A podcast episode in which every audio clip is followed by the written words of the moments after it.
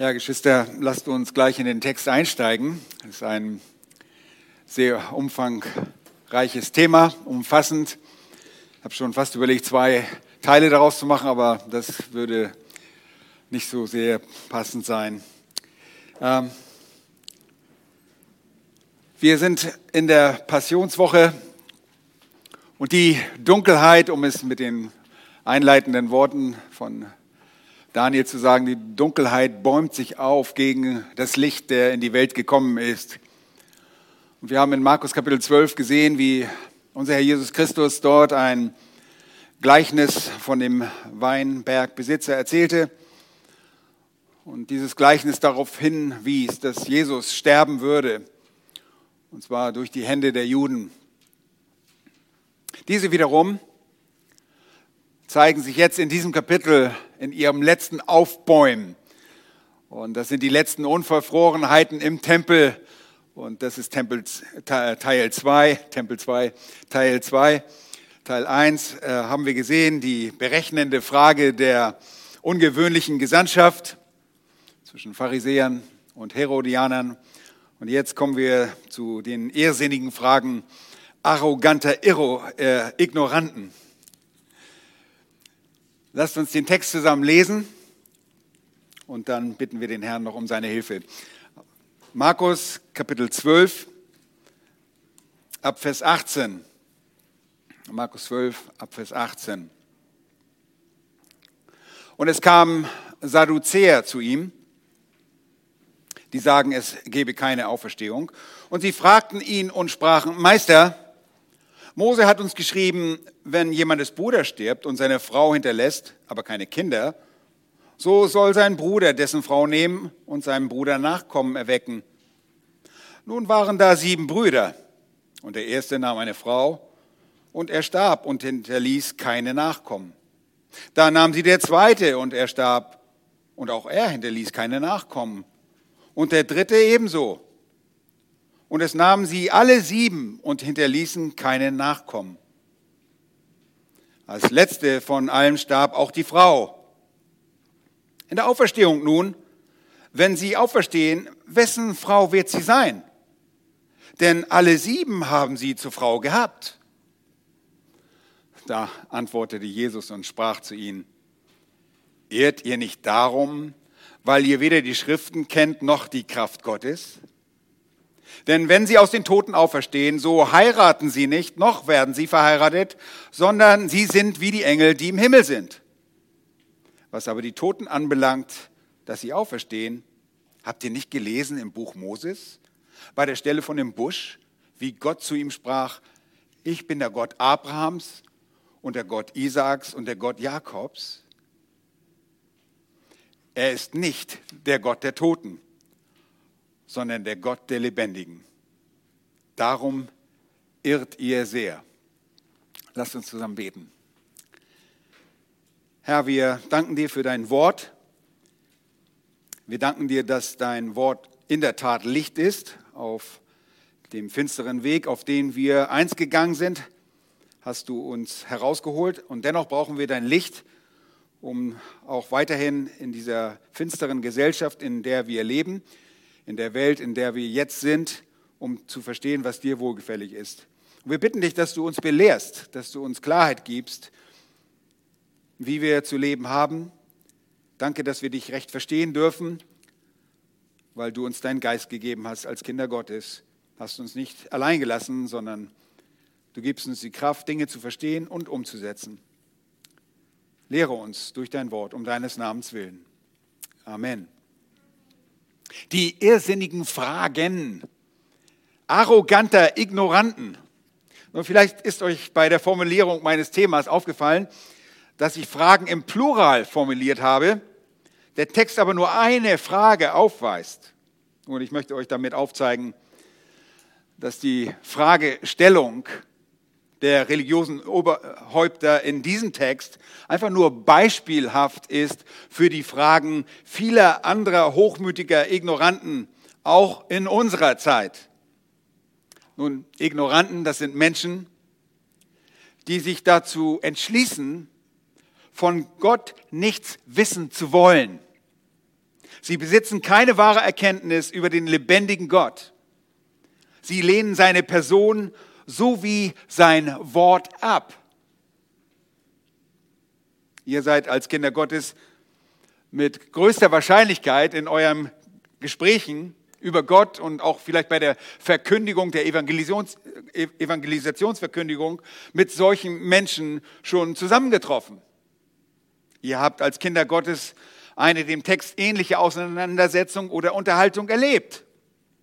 Das sind einfach nur Begegnungen, bei denen Menschen in dem Versuch, uns zu irritieren oder zu versuchen, wahnwitzige, irrsinnige Fragen stellen. Das ist uns nicht bekannt, unbekannt. Diese Fragen offenbaren uns eine ganze Menge. Und im Fall der Sadduzäer war es auch so. Erstens, ihre irrsinnigen Fragen offenbaren eine freche Arroganz. Ihre irrsinnigen Fragen offenbaren eine freche Arroganz. Arroganz, das ist Hochmut, Übermut, damit sind wir selbst gut vertraut. Aber ich spreche von ungebrochener Arroganz. Hoffentlich ist sie bei euch gebrochen worden durch die Errettung, dass wir nicht permanent stolze Menschen sind. Wir werden schon als Christen auch stolz, aber ich spreche nicht von dieser Arroganz. Die Arroganz der Priester und Sadduzäer machte die obersten Priester ja, die, des Volkes aus, diese Priester. Und sie stellten auch die hohen Priester, die Sadduzäer. Und diese Arroganz war schon seit der Zeit Maleachis in den unerhörten Fragen der Priester zu erkennen. Und davon lesen wir gleich zu Beginn in Maleachi Kapitel 1 und dort in Vers 6. Dort redet Gott zu den äh, Priestern, aber durch den Propheten Maleachi. Und dort schreibt er, ein Sohn soll seinen Vater ehren und ein Knecht seinen Herrn. Bin ich nun Vater, wo ist meine Ehre? Bin ich Herr, wo ist meine Furcht von mir, vor mir? Spricht Jahwe, der Herrscher, zu euch Priestern, die ihr meinen Namen verächtlich macht. Aber ihr fragt, womit haben wir deinen Namen verächtlich gemacht? Nun, mit diesen und ähnlichen zynischen Rückfragen an Jahwe Gott offenbarten die Priester also schon gut 400 Jahre vor Christus und hier bei Jesus, die Sadduzäer, ihre Respektlosigkeit, ihre Verachtung Jahwe gegenüber. Genauso wie einst zur Zeit des Maleachi, so taten es die Sadduzäer mit Jahwe, dem Sohn Gottes. Und sie verachten Jesus. Und so kommt diese Frage, die Frage in diesem Text als Ausdruck ihrer frechen Arroganz, ihres Hochmutes, ihrer Verachtung. Und dabei beobachten wir als erstes, sie glauben mit ihren Fragen sogar kreativ souverän zu sein. Sie glauben mit ihren Fragen kreativ souverän zu sein. Nun, viele von euch kennen die Fragen der Menschen, bei denen sie meinen, wie die Könige zu sein. Absolut erhaben und unbesiegbar. Und ihr Lieben, wenn wir das nicht von uns selbst noch alles wissen. Menschen sind so arrogant, wenn sie Gott anzweifeln und ihm nicht glauben. Und sie treten mit unglaublich kreativen und mit diesen vermeintlich souveränen Fragen an uns, die wir Botschafter des Herrn Jesus Christus sind, heran. Das sind die Fragen wie, na, wie war es denn mit euren Adam, ihr Märchenerzähler? Hatte euer Adam einen Bauchnabel? Oder ihr kennt die irrsinnige Frage, was kam zuerst, das Huhn oder das Ei? Nun, mit dieser einfach nur provokativ gestellten Frage richten solche Menschen sich letztlich gegen Gott und seine Offenbarung. Denn Jahwe Gott erschuf die Tiere und die Beantwortung der Frage ist nicht wirklich schwierig. Stattdessen geben Menschen vor, es sei eine wissenschaftliche Frage und verbringen Zeit damit, sich mit diesen und ähnlichen Absurditäten auseinanderzusetzen, um Gott nicht glauben zu müssen. Und das offenbart einfach ihre Arroganz, ihre Hochnäsigkeit Gott gegenüber. Übrigens gab es zu genau dieser Frage Was kam zuerst, das Huhn oder das Ei? Im Jahr 2006 einen Bericht im Spiegel Online mit dem Titel Das Ei kam vor dem Huhn. Und der Spiegel berichtet dabei, Zitat Beginn, eine uralte philosophische Frage scheint gelöst. Das Ei war vor der Henne da. Ein Philosoph, ein Wissenschaftler und ein Hühnerzüchter kamen zu diesem Ergebnis, wie britische Zeitungen am Freitag berichteten. Der Evolutionsgenetiker John Brookfield von der Universität of Nottingham erläuterte demnach zunächst, dass sich das Erbgut eines Tieres im Laufe des Lebens nicht ändere. Das erste lebende Ding, was man unzweifelhaft zur Spezies der Hühner zählen konnte, wäre also das erste Ei, führte er aus. Somit schloss er aus, dass ein anderes Tier sich irgendwann zum ersten Huhn verwandelt haben könnte. Zitat Ende. Oh, wunderbare Weisheit. Nun, das soll uns einfach reichen. Wir wollen uns nicht weiter auf andere Torheiten dieser Art einlassen. Und ihr kennt solche Arroganz in den Fragen, die man euch um eures Glaubens willen stellt. Solche Fragen meine ich natürlich. Und so nähern sich die Sadduzäer Jesus und werden sehr kreativ, um letztlich selbstsicher gegenüber ihrem Gegner, und das ist Jesus, stehen zu können. In ihrer arroganten Kreativ erfinden sie eine unrealistische Geschichte, eine unrealistische Geschichte. Sie erfinden eine unrealistische Geschichte. Und das tun andere auch. Die Sadduzäer erweisen sich als kreativ und erfinden diese Geschichte als eine Vorlage und Vorbereitung und als Teil ihrer eigentlichen Frage. Diese Geschichte wäre bei einer aufrichtigen Fragestellung nicht nötig gewesen. Aber schauen wir uns die Geschichte nochmals an. Ich beginne in Vers 19. Meister Mose hat uns geschrieben, wenn jemandes Bruder stirbt und eine Frau hinterlässt, nun das ist durchaus realistisch, sowas kommt vor, aber keine Kinder, so soll sein Bruder dessen Frau nehmen und seinen Bruder Nachkommen erwecken. Absolut realistisch. Nun waren da sieben Brüder. Und der erste nahm eine Frau, seine Frau und, und er starb und hinterließ keine Nachkommen. Und, nahm die, und da nahm sie der zweite und er starb. Und auch er hinterließ keine Nachkommen und der dritte ebenso. Und es nahmen sie alle sieben und hinterließen keine Nachkommen. Als letzte von allen starb auch die Frau. Jetzt kommt die eigentliche Frage. In der Auferstehung nun, wenn sie auferstehen, wessen Frau wird sie sein? Denn alle sieben haben sie zur Frau gehabt. Nun, es ist die Geschichte eines Mannes, der seinen sechs Brüdern in Folge nach seinem Tod die eigene Frau nacheinander überließ, weil alle Brüder nacheinander starben, nachdem sie mit ihr verheiratet waren. Und diese Geschichte ist damit so unrealistisch und wortwörtlich irrsinnig. Sie, hatte, sie hatten sich wirklich im Sinn verirrt, im Denken.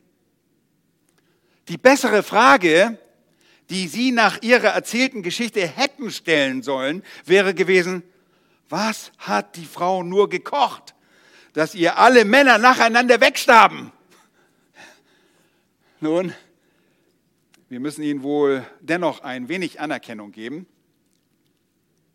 denn im apokryphischen Buch Tobias in Kapitel 3 findet sich tatsächlich eine solche irrsinnige Erzählung bei der eine gewisse Sarah, die Tochter Raguels in der Mederstadt Ekbatana, auch sieben Männer verlor und das, bevor sie überhaupt sie heiraten konnte. Alle sieben Männer wurden jeweils in der Verlobungszeit, und wie ihr wisst, äh, bei den Juden galt diese verbindlich als ja, wie eigentlich eine Ehe. Aber alle sieben Männer wurden jeweils in der Verlobungszeit von einem Dämon mit dem Namen Asmodi umgebracht. So berichtet uns das Buch Tobias. Aber ein Dämon, ein Geist, den kann man bekanntlich ja nicht sehen. Und so kommt es in der Familie der Sarah zu einem Zwischenfall, bei der die Magd ihres Vaters Sarah beschimpfte. Und der Zwischenfall, äh, zwar der Zwischenfall entstand, weil Sarah ihrerseits ähm, mit, einer, mit der Magd einen Konflikt hatte. Und jetzt beschimpfte die Magd Sarah und schimpfte sich alles von ihrer Seele. Zitat Beginn. Und Sarah ist eben diese Frau, die diese Männer verloren hatte. Gott gebe, dass wir nimmer einen Sohn oder Tochter von dir sehen auf Erden, du Männermörderin. Willst du mich auch töten, wie du die sieben Männer getötet hast? Zitat Ende. Und wir wissen schon, ihr Lieben, warum diese Bücher der Apokryphen nicht im Kanon der Bibel wiederzufinden sind. Aber diese irrsinnige Geschichte bei den Sadduzäern wurde zur Grundlage für ihre eigentliche Frage. Sie ist Teil der Frage. Was für eine Frage? Zweitens, sie erfinden eine passende Scheinfrage zur Geschichte. Sie erfinden eine passende Scheinfrage zur Geschichte. Nun, woran erkennen wir, dass es eine äh, Scheinfrage ist? Können wir neuerdings Gedanken lesen?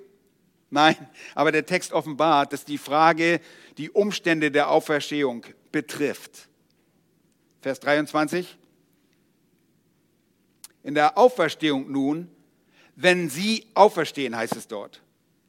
Wir wissen, dass es eine Scheinfrage ist, weil die Sadduzäer nicht einmal an die Auferstehung glaubten.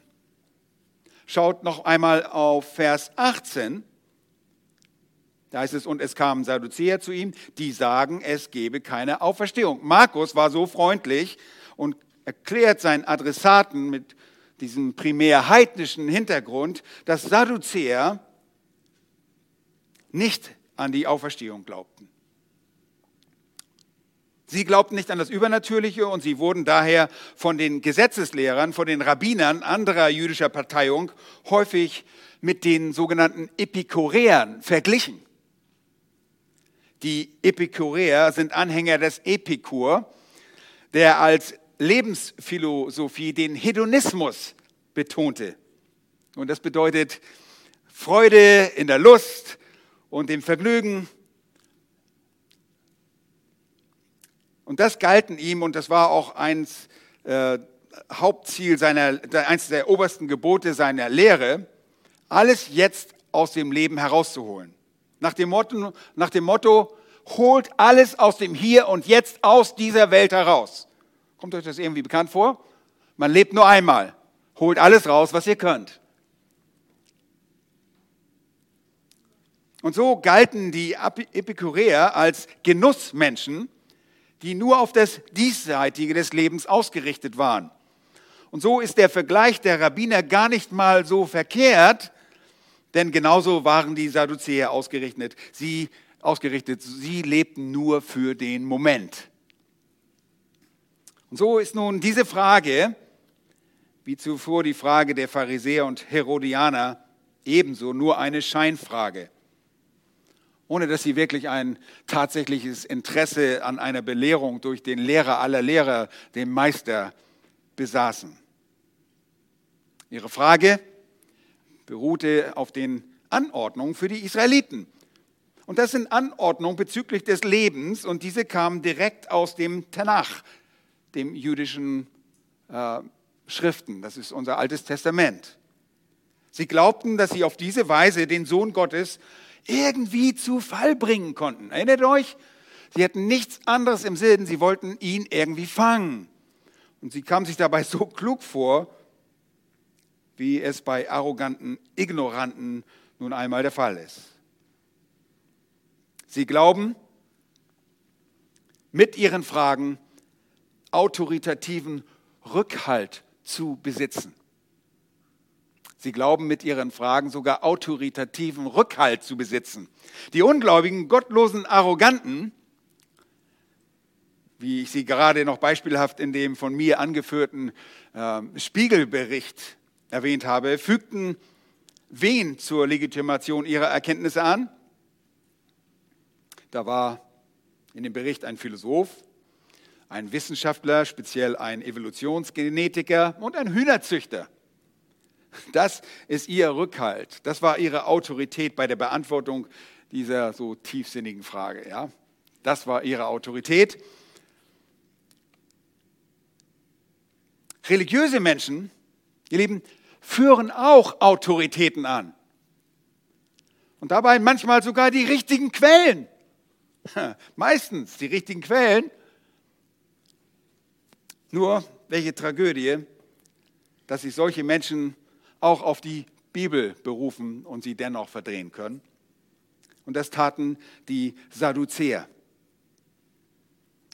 Sie führten eine Autorität an, die wir als Kinder Gottes ebenso in unserer Rede anführen würden, denn das, was dort geschrieben ist, und das steht da immer noch, entspricht der Wahrheit und ist gut. Allerdings gab es beim Anführen ihrer autoritativen Quelle, ihres Rückhaltes, ein paar riesige Probleme. Und dazu ein bisschen Hintergrund zu dieser Gruppe von Menschen. Die Sadduzäer bauten ihr Lehrgebäude primär auf die Aussagen des Pentateuchs auf, die fünf Bücher Mose. Das war ihre Autorität. Und fünf Bücher Mose, damit auch Mose. Und dabei klammerten sie den Rest der Schriften quasi aus. Und das einzig Positive, was man dabei im Vergleich zu den noch größeren Irrtümern der übrigen Schriftgelehrten und Pharisäer abgewinnen konnte, war, dass sie die oralen Traditionen der Schriftgelehrten und Pharisäer als Menschengebote ablehnten. Sie glaubten nur an das Geschriebene, und zwar an den Pentateuch. Sie hielten sich an dem Pentateuch fest, aber gleichzeitig kappten sie, das heißt, sie beschnitten das Wort Gottes und sie hielten nur an diesem Fragment des Pentateuchs fest und warfen den Rest der Schrift über Bord. Sie lösten sich von Gottes Worten auf Kosten dieses Bruchstückes der alttestamentlichen Offenbarung. Ihr Lieben, wir wissen, dass Wahrheiten immer in einem gesamten Kontext, immer im gesamten Zusammenhang gesehen werden müssen und auch alle Wahrheiten, äh, um eine Lehraussage zu machen, herangezogen werden müssen. Wir glauben nicht nur isolierten Wahrheiten der Heiligen Schrift, sondern der ganzen Offenbarung der Schrift. Alle Schrift, denn alle Schrift ist von Gott eingegeben und uns Menschen gegeben worden. Sie hingegen gingen also zu Mose und waren der Auffassung, damit Gold richtig zu liegen. Sie bauten dieses Argument auf, die für sie maßgebliche Autorität äh, oder die Autorität des Moses baute, auf die bauten sie. Aber gleich vorweg, in der Person des Mose und in dem, was er schrieb, lag nicht das Problem sondern in dem, was sie aus Mose machten und aus dem, was sie auch den anderen Schriften, was sie aus den Schriften nicht machten. Sie zogen sie nämlich nicht heran. Dennoch, sie kamen sich sehr klug vor und sie glaubten bei ihrem Anlauf gegen Jesus allen Ernstes auf sicheren Boden zu stehen. Schaut auf Vers 19. Meister, Mose hat uns geschrieben. Dann wird das angeführt, was er geschrieben hat. Und sie schmeicheln hier, wie zuvor die erste gesandte Abordnung des Hohen Rates, Meister, Lehrer, um einfach diese Hochachtung vorzutäuschen. Und dass sie dann nicht mit einer ehrlichen Frage kamen, das offenbart der gesamte Schriftzusammenhang, wie bereits erwähnt. Diese Männer wurden nicht nur als Mörder des Messias von Jesus selbst angekündigt, sondern waren aufgrund der Ereignisse des Dienstags, wir sind jetzt an dem Mittwoch der Leidenswoche, am Dienstag waren sie sehr aufgebracht. Was fand da stand? Die Tempelreinigung.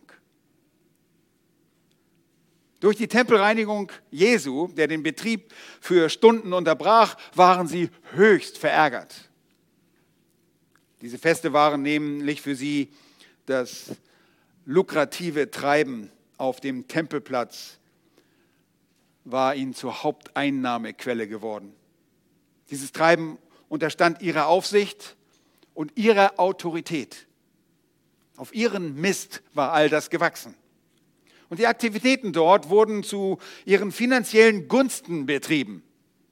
Sie betrieben Wucher bei diesem Geldwechsel. Ihr erinnert euch an die Tische der Geldwechsler, die umgestoßen wurden. Und sie übersahen auch die Verkäufe von Opfertieren, die sie dort auf dem Vorplatz, dem Vorplatz der Heiden, verkauften, zu horrenden Preisen dort anboten. Und das Geld floss in ihre Taschen. Nur nicht bei diesem Fest oder jedenfalls nicht in dem Maße. Nun, sie fügten Mose an und das Gebot, auf das sie sich mit der Fragestellung beziehen. Und dieses Gebot stammt aus, und ihr könnt gerne mal dorthin gehen, 5. Mose, Kapitel 25 und Vers 5. 5. Mose 25 und Vers 5. Ich lese den Text dort. Wenn Brüder beieinander wohnen und einer von ihnen stirbt und er hatte keinen Sohn, so soll die Frau des Verstorbenen nicht mit einem fremden Mann von auswärts gehören, sondern ihr Schwager soll zu ihr eingehen und sie sich zur Frau nehmen und ihr die Schwagerpflicht leisten. Und die Anweisungen gehen noch weiter. Wir können nicht ins Detail gehen, sonst sitzen wir hier noch zu lange. Aber diese Schriftstelle braucht eine Erklärung. Ich meine, das ist nicht so gewöhnlich, oder? Denn diese Antwort, diese Anordnung und diese Praktiken kennen wir in unserer Kultur so nicht. Sonst würde ich wahrscheinlich auch, oder hätte jeder von euch, der einen Bruder hat, sehr, sehr wohl aufgepasst, was, wen er zur Frau nimmt, falls sowas vorkommt. Ja, nein. In dem Text ging es darum, eine Schwagerpflicht auszuüben, die darin bestand, die Witwe seines verstorbenen Bruders zur Ehe vorzunehmen, um dann einen Sohn oder Kinder mit ihr zu zeugen. Und man kennt an, erkennt an diesem Gebot Gottes, dass die Verweigerung des Namens des Verstorbenen als Mitglied des Bundes, äh, Entschuldigung, die Verewigung, nicht Verweigerung, die Verewigung des Namens des Verstorbenen als Mitglied des Bundesvolkes sehr wichtig war in Israel. Und das Gebet Gottes zeugte von der Würde des Einzelnen, das Gebot vielmehr. Der erstgeborene Sohn, der aus solchen Beziehungen dann äh, hervorging, aus dieser Schwagerehe, wurde dann in das Geschlecht des Verstorbenen eingetragen und sollte dann als Erbe seines Besitzes gelten, damit nicht der Name des kinderlos verstorbenen Bruders aus Israel verschwinden würde. Seht ihr, das ist uns völlig fremd. Gab es keinen Sohn, dann konnten auch Töchter diese Erbschaft antreten und an sie wurden dann alle Rechte übertragen. Die Übersetzung hier in 5. Mose 25, da heißt es, und er hatte, wenn er keinen Sohn hatte, das wird in der Septuaginta, in der griechischen Übersetzung des hebräischen äh, Alten Testaments und den Evangelium sinngemäß besser und richtig mit kinderlos wiedergegeben. Denn in 4. Mose 27, die Verse 4 bis 8, liest man, dass eben auch die Töchter, das Jahwe Gott, auch den Töchtern das Erbrecht zubilligte, wenn es in der Familie keine Söhne gab. Deshalb ist es auch vernünftig, 5. Mose 25, als kein Kind zu lesen, statt keinen Sohn. Okay? Also die Verpflichtung der Schwagerehe, sie trat allerdings immer nur dann ein, wenn der Bruder oder wenn die Brüder zusammen wohnten an einem Ort. Das war doch nicht automatisch so. Wenn die Brüder zuvor beisammen wohnten, das heißt nicht äh, unbedingt ein Haushalt führten, aber an, einem, an einer Ortschaft. Und das erwähnen die Sadduzäer erstmal gar nicht. Sie fassen das einfach nur zusammen, sie setzen das voraus. Und da liegt auch wahrscheinlich nicht das Problem. Aber die Brüder, die zur Schwagerehe aufgefordert worden, waren nicht notwendigerweise unter einem Dach in einem Hause. Sie hatten auch nicht notwendigerweise ein gemeinschaftliches Hauswesen, eine gemeinsame äh, Wirtschaftsplanung. Es ging darum, an ein und derselben Ortschaft zu wohnen. Und ihr erinnert euch, äh, zwischen Abraham und Lot gab es auch mal Schwierigkeiten. Das Land hatte nicht genug Raum, damit sie beide dort ihre Viehwirtschaft durchführen konnten. Das ist so ein Verhältnis. Sie wohnten zusammen, nicht unter einem Dach, aber sie wohnten an einem Ort. Nun, mit diesem Wissen im Hinterkopf macht die Frage jetzt auch vielleicht ein bisschen mehr Sinn. Und dennoch sind die Umstände so wahnwitzig, weil das Ganze mehr als unwahrscheinlich ist, dass sieben Brüder nacheinander sterben. Diese Witwe also jeweils den nächsten Bruder heiratet, bis alle gestorben sind und sie dann auch noch stirbt. Und dass sie alle an einem Ort wohnten. Sie glauben, das ist der nächste Punkt, mit ihren Fragen Jesus überwinden zu können. Sie glauben, mit ihren Fragen Jesus überwinden zu können. Lieben, das tun Menschen mit ihren wahnwitzigen Vorschlägen und Geschichten und mit ihren Fragen. Und hier nochmal, sie kommen, treten an Jesus heran und sagen, Meister, Lehrer, ihr erinnert euch daran, Didaskolos, äh, zunächst die schon von der Abordnung gesandten Koalition benutzte Schmeichelei, die bei charakterlosen Menschen durchaus Wirkung erzielen konnte. So reden Schleimer und charakterlose Menschen reagieren auch darauf. Judas, der Halbbruder unseres Herrn, schrieb von solchen Menschen als von Unzufrieden, die mit ihrem Geschick hadern und dabei nach ihren Lüsten wandeln. Und ihr Mund redet übertriebene Worte, wenn sie aus Eigennutz ins Angesicht schmeicheln. Ich habe es nochmal nachgeguckt. Schmeichelei ist eine Form von vorsätzlicher Bosheit und ein Deckmantel für böses Verhalten. Und Salomo schrieb in den Sprüchen, in Sprüchen ähm, Kapitel 29, Vers 5, wer seinem Nächsten schmeichelt, der stellt seinen Füßen ein Netz Wer seinem Nächsten schmeichelt, der stellt seinen Füßen ein Netz. Und sie schmeicheln Jesus. In der zweiten Zeile von Sprüche 29, Vers 5 gibt es eine gewisse Unklarheit über den Referenten. Da heißt es, er bereitet ein Netz für seine Schritte aus. Äh, dies könnte ein Netz sein, das für den Geschmeichelten oder für den Schmeichler selbst ungeahnt ausgebreitet wird. Ihr Lieben, sowohl der eine als auch der andere Aspekt könnte wahr sein. Beides ist wohl wahr. Auch der letztere Aspekt, dass dieses Netz zur eigenen Falle wird.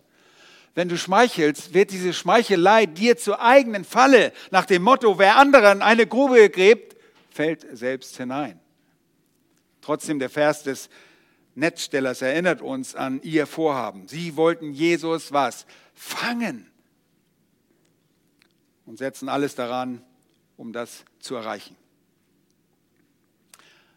Ihr Lieben, rhetorische Frage, was nützt die Schmeichelei Jesus gegenüber? Nichts. Nichts.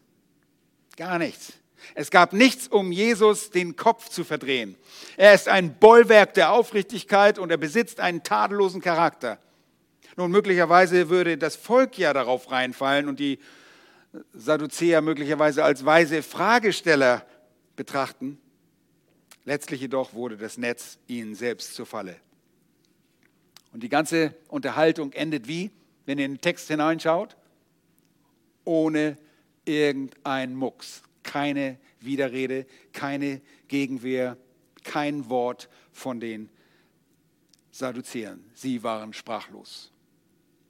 Nun, arrogante Ignoranten gehen häufig genauso vor. Sie erzählen dir alles Schöne, die wunderbaren Dinge und was dich alles betrifft und wie toll du bist. Und dann bringen sie den Irrsinn ihrer Herzen und Gedanken zum Vorschein. Diesen Dingen kommen zwangsläufig dann diese irrigen Dinge aus ihren Herzen. Übrigens, das erkennen wir schon bei den kleinsten Heuchlern, die wir auch aufgezogen haben, unseren Kindern, wenn sie den Herrn noch nicht kennen und die aus Eigennutz ungewöhnlich viel Honig um den Bart schmieren. Das wusste ich bei meinen Kindern, wenn die irgendwie so, aber so schlimm waren sie auch nicht. Ne? Ich will sie ja nicht schlecht machen.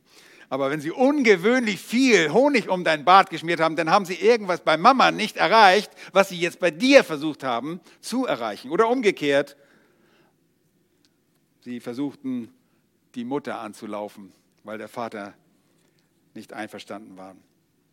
Nun, die Pharisäer waren darin trainiert, Menschen um sich herum durch Worte und sehr beliebt waren auch Geschenke zu manipulieren. Und das tun gottlose Menschen. Sie kalkulieren und spekulieren mit allen ihnen zur Verfügung stehenden Methoden. Worte sind sehr wichtig, aber auch praktische Dinge und Geschenke. Und so stellen sie endlich die Frage, nachdem sie die Autorität und Basis dafür geschaffen haben, die passende Geschichte fabriziert zu dem Gebot, das Mose festgehalten hat. Und jetzt kommen sie und sie fragen, Vers 23, in der Auferstehung nun, also die waren ja alle gestorben. Frau war mittlerweile auch tot. Wenn sie, das heißt die gläubigen Brüder, die müssen ja gläubig sein, sonst erstehen sie ja nicht zum Leben. Und diese Frau auferstehen, wessen Frau wird sie sein? Denn alle sieben haben sie zur Frau gehabt. Hm. Ihre Frage offenbart viel Irrsinn und Irreführung. Und sie stellen die Frage in dem Glauben, dass alle Umstände und alle Gewohnheiten, alle Dinge des alten Lebens den Dingen im neuen Leben nach der Auferstehung gleichen werden. Das ist ihre Ausgangssituation in ihrer hypothetischen Frage, in ihrer Scheinfrage. Denn, wie, nochmals, sie glauben nicht an diese Auferstehung. Alles, was ihrer Auffassung nach so fortgesetzt wird, wie es einmal war. Sie glaubten, das geht alles normal so weiter. Oh, wie fehlgeleitet sie doch waren. Und wie einfältig zu glauben, dass die Dinge des Hier und Jetzt im neuen Leben keine Veränderung brächten. Käme es tatsächlich so, gemäß ihrer irrigen Annahme, dass nach der Auferstehung die alten Beziehungen wiederhergestellt werden, dann gäbe es wohl tatsächlich einen Konflikt. Dann müsste Jesus eine neue Lehre erfinden oder er würde die Frau in eine Polygame, eine Mehrehe hineinzwingen, indem sie im Reich Gottes dann sieben Männer besäße. Das wäre ein Gräuel. Und so sind sie absolut von sich überzeugt. Oh, bessere Frage kann man ja nicht stellen. Ich kann mir das so richtig vorstellen. Irgendein so ein Typ von den Sadduzäern kam, ich hab's, Leute. Und er erzählt ihnen die Leute und die sind alle total begeistert und gehen auf Jesus zu und gehen wieder weg wie begossene Pudel. Nun, wir sehen ihre Torheit, aber auch nur, weil wir komplett die Schrift anerkennen und weil wir uns Gott selbst gebeugt haben. Erinnert euch an eine Zeit, wo ihr das auch nicht verstanden habt und ihr genauso töricht gefragt habt? Vergesst das bitte nie. Dank dem Herrn dafür. Denn der natürliche Mensch versteht nicht die Dinge, des, die von Gott kommt. Wir durften zur Erkenntnis kommen. Sie hingegen waren arrogant und ohne Erkenntnis und traten dennoch überheblich auf, wie es wirklich bei arroganten Ignoranten nun einmal der Fall ist. Und die Frage solcher Leute zeigt uns immer eine ganze Menge über ihren Gesamt, ihr gesamtes Wesen. So auch hier, Punkt 2. Ihre irrsinnigen Fragen offenbaren eine fatale Irreführung. Ihre irrsinnigen Fragen offenbaren eine fatale Irreführung. Was erkennt ihr an den Fragen ignoranter Menschen? Wir erkennen daran, dass Menschen ihre Fragen auf der Grundlage eigener Überzeugung stellen.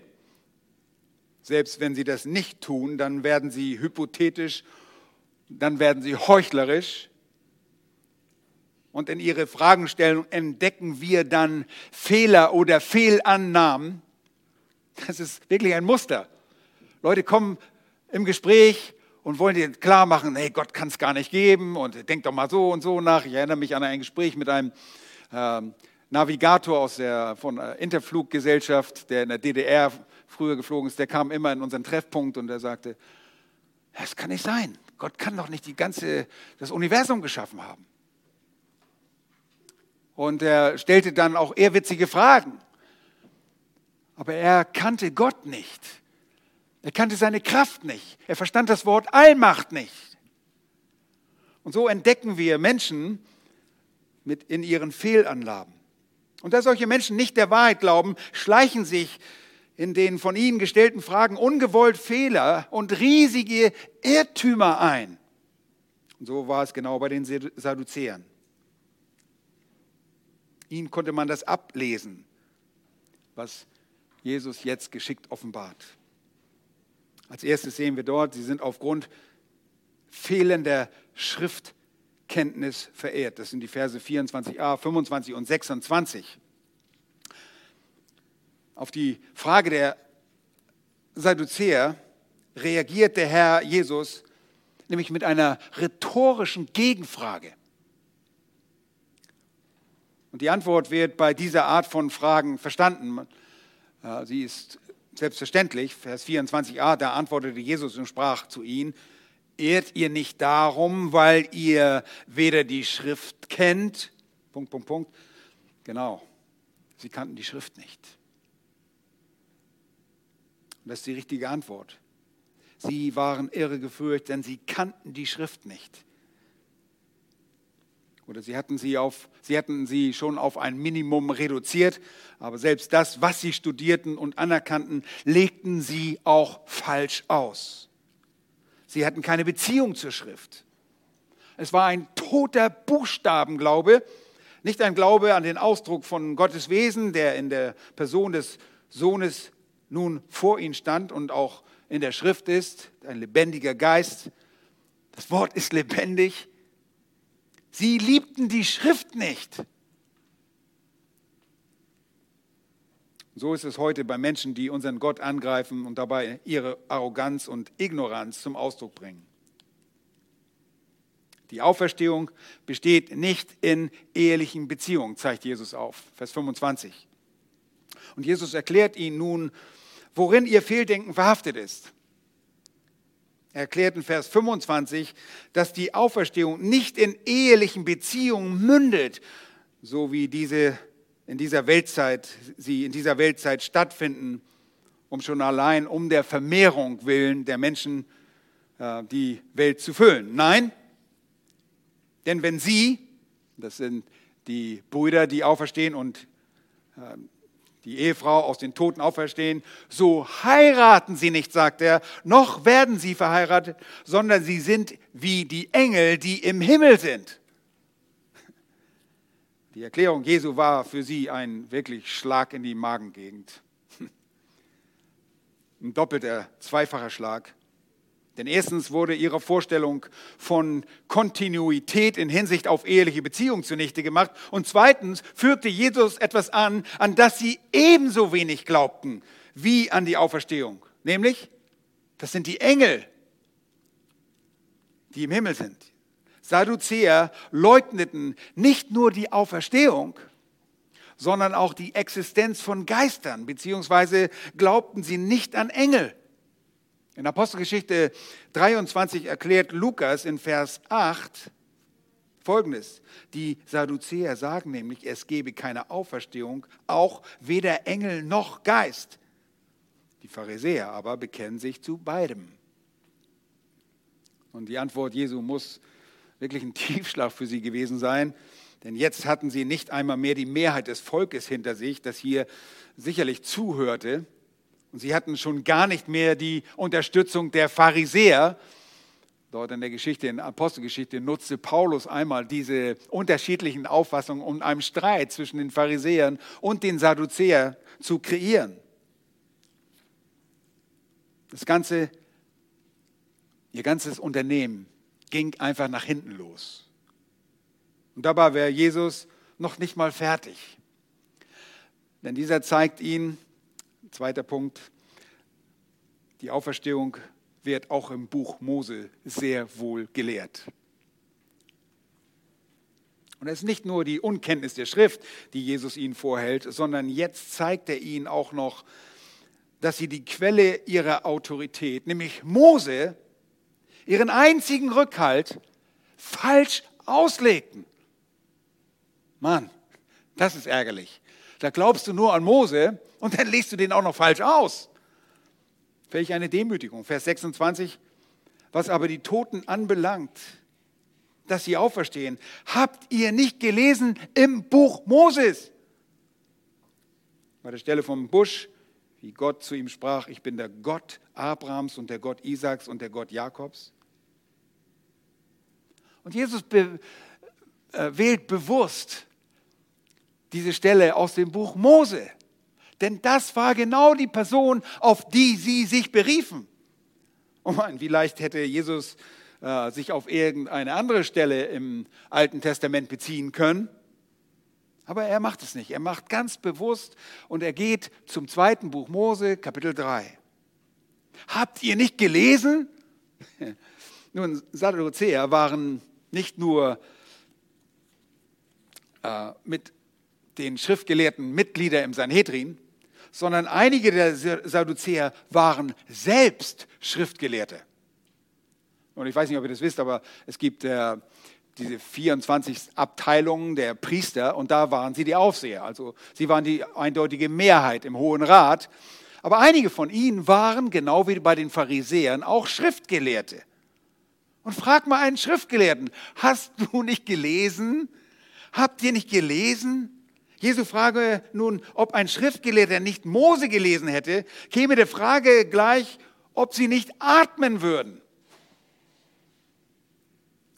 Jesus führt sie zu der angeblich von ihnen akzeptierten Autorität. 2. Mose 3, Vers 6 spricht Jahwe. Und da spricht nicht nur der Vater, sondern da ist, wenn ihr den Text mal euch anschaut, auch der Engel Jahwes. Das ist eine Sohneserscheinung. Einige nennen das auch Christophanien des Präinkarnierten, des vor dem Fleisch gewordenen Christus.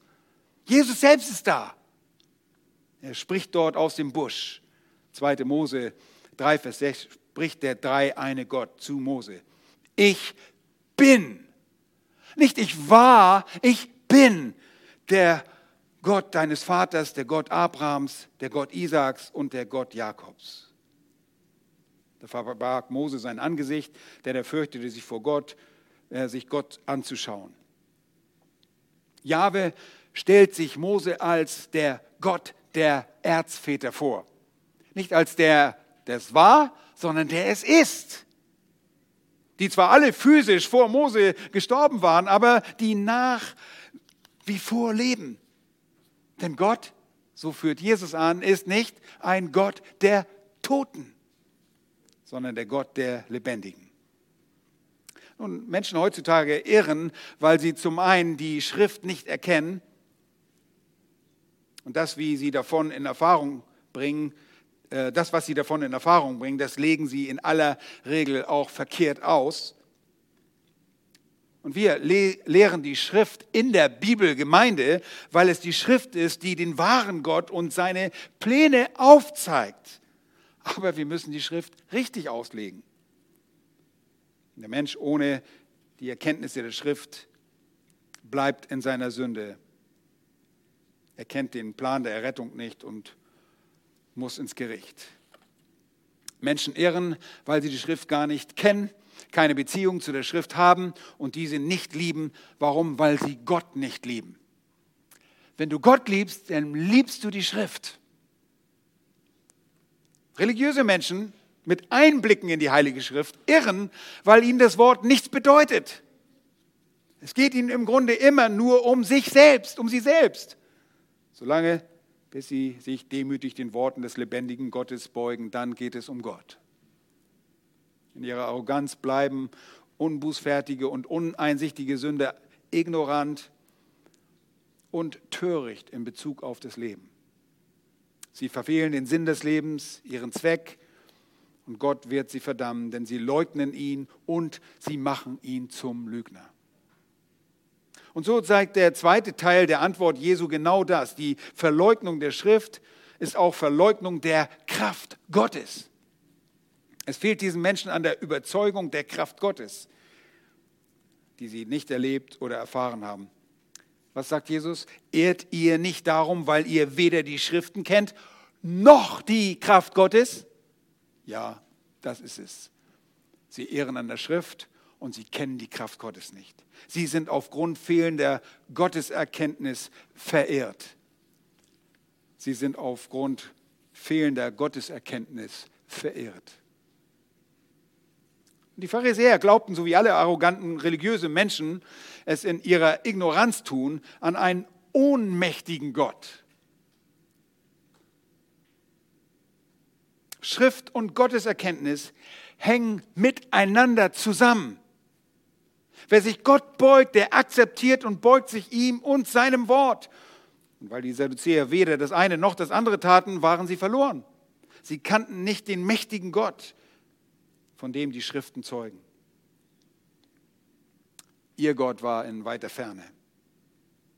Der Gott, den Mose anbetete, auf den sie sich aber beriefen, der war ihnen unbekannt. Und 2. Timotheus sagt Paulus einmal in Kapitel 3, die Verse 4 und 5, schreibt er von solchen Menschen wie ihnen. Sie lieben das Vergnügen. Was haben wir von den äh, Sadduzäern gesagt? Sie wurden verglichen mit Epikureern, sie waren Genussmenschen, sie lieben das Vergnügen. Dabei haben sie den äußeren Schein von Gottesfurcht, deren Kraft aber verleugnen sie. Von solchen wende dich ab.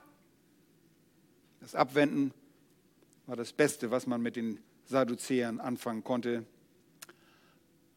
Nach dem Gericht 70 nach Christus durch die Römer über Jerusalems Bewohner gab es keine überlebenden Sadduzäer mehr. Die Pharisäer waren die einzige Gruppe, die weiterhin Bestand hatte, aber leider weiterhin in leeren Traditionen von äh, Menschen verstrickt blieben, auch bei ihrem Neuanfang in der Stadt Javne. Auch ihnen, aus ihnen, wie ihr wisst, aus den Pharisäern entstand dann das orthodoxe Judentum, das so weit von Gott entfernt ist und das für uns klärt, warum Gottes Gericht überhaupt kam, immer noch da ist und immer noch kommen wird. Menschen, die Gott nicht kennen, das waren diese religiösen Sadduzäer. Was zeigt Jesus hier in den Versen 25 und 26 auf? Die Kraft Gottes. Die Auferstehung bezeugt die Kraft Gottes. Die Auferstehung bezeugt die Kraft Gottes. Jesus zeigt, dass im Buch Mose die Kraft Gottes in der Auferstehung bezeugt wird. Und er sagt in Vers 25, dass wenn Menschen aus den Toten auferstehen, nun vorausgesetzt, es sind gläubige Menschen, so heiraten sie nicht einmal und werden auch nicht verheiratet, sondern sie sind wie die Engel, die im Himmel sind. Und damit das geschieht, ist Gottes mächtiges Eingreifen gefragt. Diese Tatsache offenbart nebst der Auferstehungskraft auch die Kraft zur Verwandlung. Und er fährt fort und sagt, was aber die Toten anbelangt, dass sie auferstehen, habt ihr nicht gelesen in dem Buch Moses, bei der Stelle von brennenden Busch, wie Gott zu ihm sprach, ich bin der Gott Abrahams und der Gott Isaaks und der Gott Jakobs. Nun, Jesus zeigt mit dieser Bezugnahme auf die Erzväter an, dass der geschlossene Bund mit Abraham, bestätigt in Isaak und Jakob, nicht aufgehoben wurde. Gott hatte sich verbirgt dafür. Er besitzt die Macht, das Verheißene umzusetzen. Hatte Abraham das Verheißene bisher empfangen? Nein. Ich meine, lest, lest, mal Hebräer 11, Kapitel 11 durch. Abraham hat nicht gedacht, oh, da ist das verheißene Land. Er suchte eine Stadt, deren Baumeister Gott war. Eine ewige Stadt. Und er wusste, obwohl sie vor Mose physisch starben, leben und lebten sie auch heute. Wie können sie das? Weil Gott sie leben lässt, wie die Engel, die im Himmel sind. Und diese Männer werden auferstehen, um alle Verheißungen Gottes wortwörtlich in Erfüllung gehen zu sehen. Und durch seinen Tod sehen diese Erzväter einen wesentlichen Aspekt der Erfüllung des abrahamischen Bundes. Durch Christus der jetzt nur zwei Tage später verflucht am Kreuzholz sterben sollte, kommt der Segen zu den Heiden, weil er von dem Fluch des Gesetzes diejenigen loskaufte, die an ihn wie Abraham glaubten. und dem verheißen wurde, ich will segnen, die dich segnen und verfluchen, die dich verfluchen. Und in dir sollen gesegnet werden alle Geschlechter auf der Erde. 1. Mose 12, Vers 3. Ihr Lieben, niemand hatte bis zu diesem Zeitpunkt den Tod auf Erden überwunden, denn die Grundlage dazu, das perfekte Opfer, fehlte bis zu diesem Zeitpunkt. Er selbst, der Herr Jesus, musste deshalb ans Kreuz und ins Grab und auferstehen und der Erstling der Auferstehung werden. Ihr Lieben, die Garantie dafür, dass alle Gläubigen leibhaftig auferstehen. Die Umsetzung dieses Erlösungsplans spricht von der Kraft Gottes. Und das ist alles in diesem Bezug zu Abraham, Isaac und Jakob impliziert. Die Umsetzung spricht davon, dass er den Erzvätern treu blieb, die ihrerseits ein ewiges Zuhause suchten und dieses auch empfangen werden. Jetzt beim Herrn sind wie Engel im Himmel, aber eines Tages bei der Auferstehung der alttestamentlichen Heiligen auch Geistleiber erhalten werden. Und nach der Auferstehung werden die glaubenden Menschen aber nicht in hiesige, uns gewohnte Lebensgewohnheiten zurückversetzt. Nein, eine Fortpflanzung wird in der Auferstehung nicht mehr vonnöten sein, wie übrigens auch bei den Engeln es nicht gegeben hat. Und die Freude der Gemeinschaft wird in der Freude der Gemeinschaft mit dem Bräutigam selbst leben. Und wer ist dieser Bräutigam? Unser Herr. Wir wollen nicht eine irdische Beziehung zurück, wenn wir im Himmel sind. Und da Gott so mächtig ist und so unbegrenzt in dem, was er tun kann, so bereitet uns das auch keine Sorge, in den Himmel zu gehen. Unsere Blicke sind vielmehr auf ihn ausgerichtet und auf seine Wege. Seine Wege übersteigen unser Denkvermögen. Und wir glauben, dass Gott alles gut machen wird, auch wenn arrogante Ignoranten sagen werden, ja, was macht ihr denn da auf der Wolke mit der Harfe? Ihr spielt doch immer nur auf der Harfe. Leute, ich mache mir überhaupt keine Sorge. Gott ist unbegrenzt in seinem Denken. Und wenn es das übersteigt, was er hier schon geschaffen hat, wer soll sich da Sorgen machen? Nun, die Auferstehung bezeugt Gott als den Gott der Lebendigen. Gott ist Jahwe, der Ewige, der Präexistente, der vor aller Zeit Seiende. Er ist der Gott von Abraham, Isaac und Jakob. Er ist mein Gott und er ist der einzige Gott, weil es gar keinen anderen Gott gibt. Und er ist der Gott derjenigen, die aus dem Tode zum Leben erweckt hat. Wisst ihr was? Wir, die wir jetzt hier leben, wir haben durch den Glauben das ewige Leben. Wann haben wir das? Jetzt. Jetzt haben wir das ewige Leben. Johannes schreibt, wer an den Sohn glaubt, der hat ewiges Leben. Ja, Moment, Moment, ich sterbe doch. Ja, dein Körper stirbt.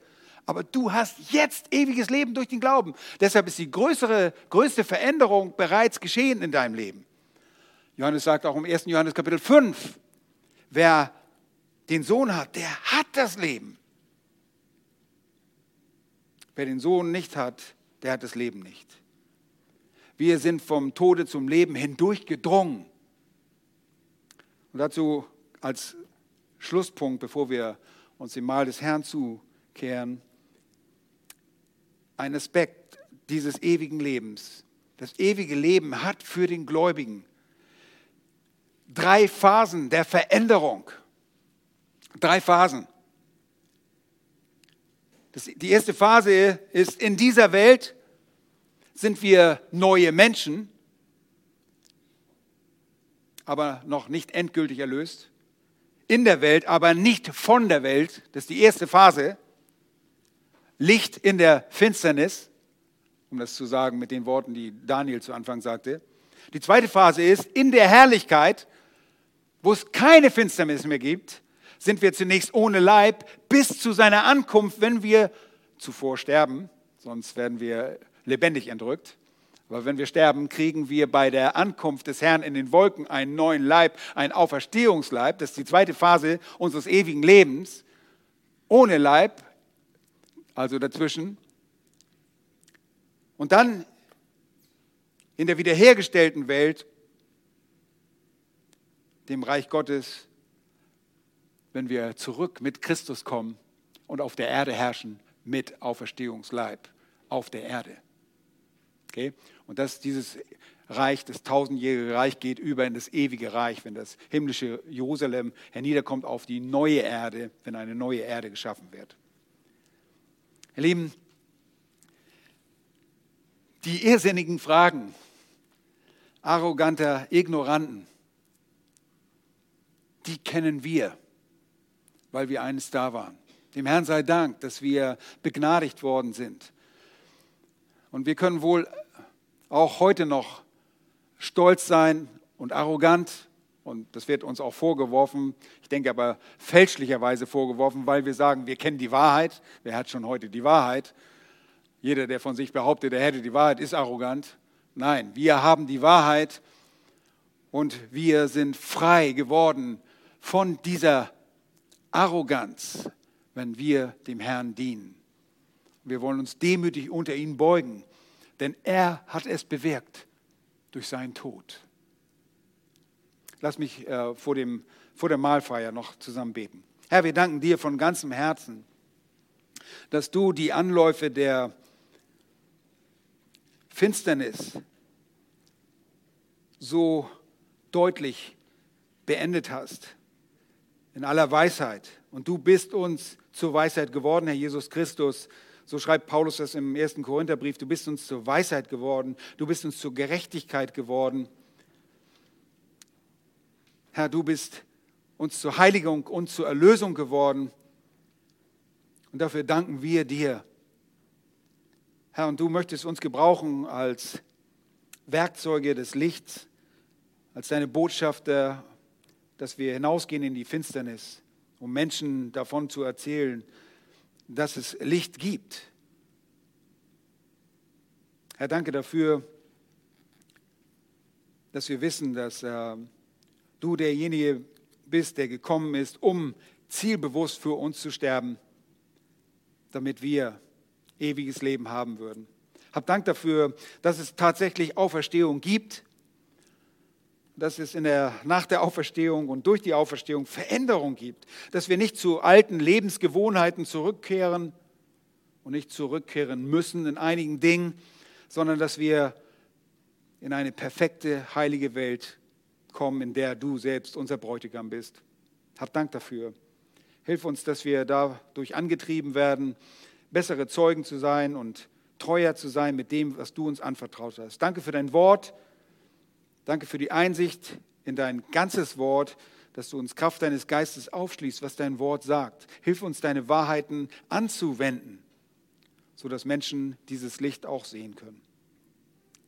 Wir lieben dich dafür, dass du diesen Weg des Leidens gegangen bist. In Jesu Namen. Amen.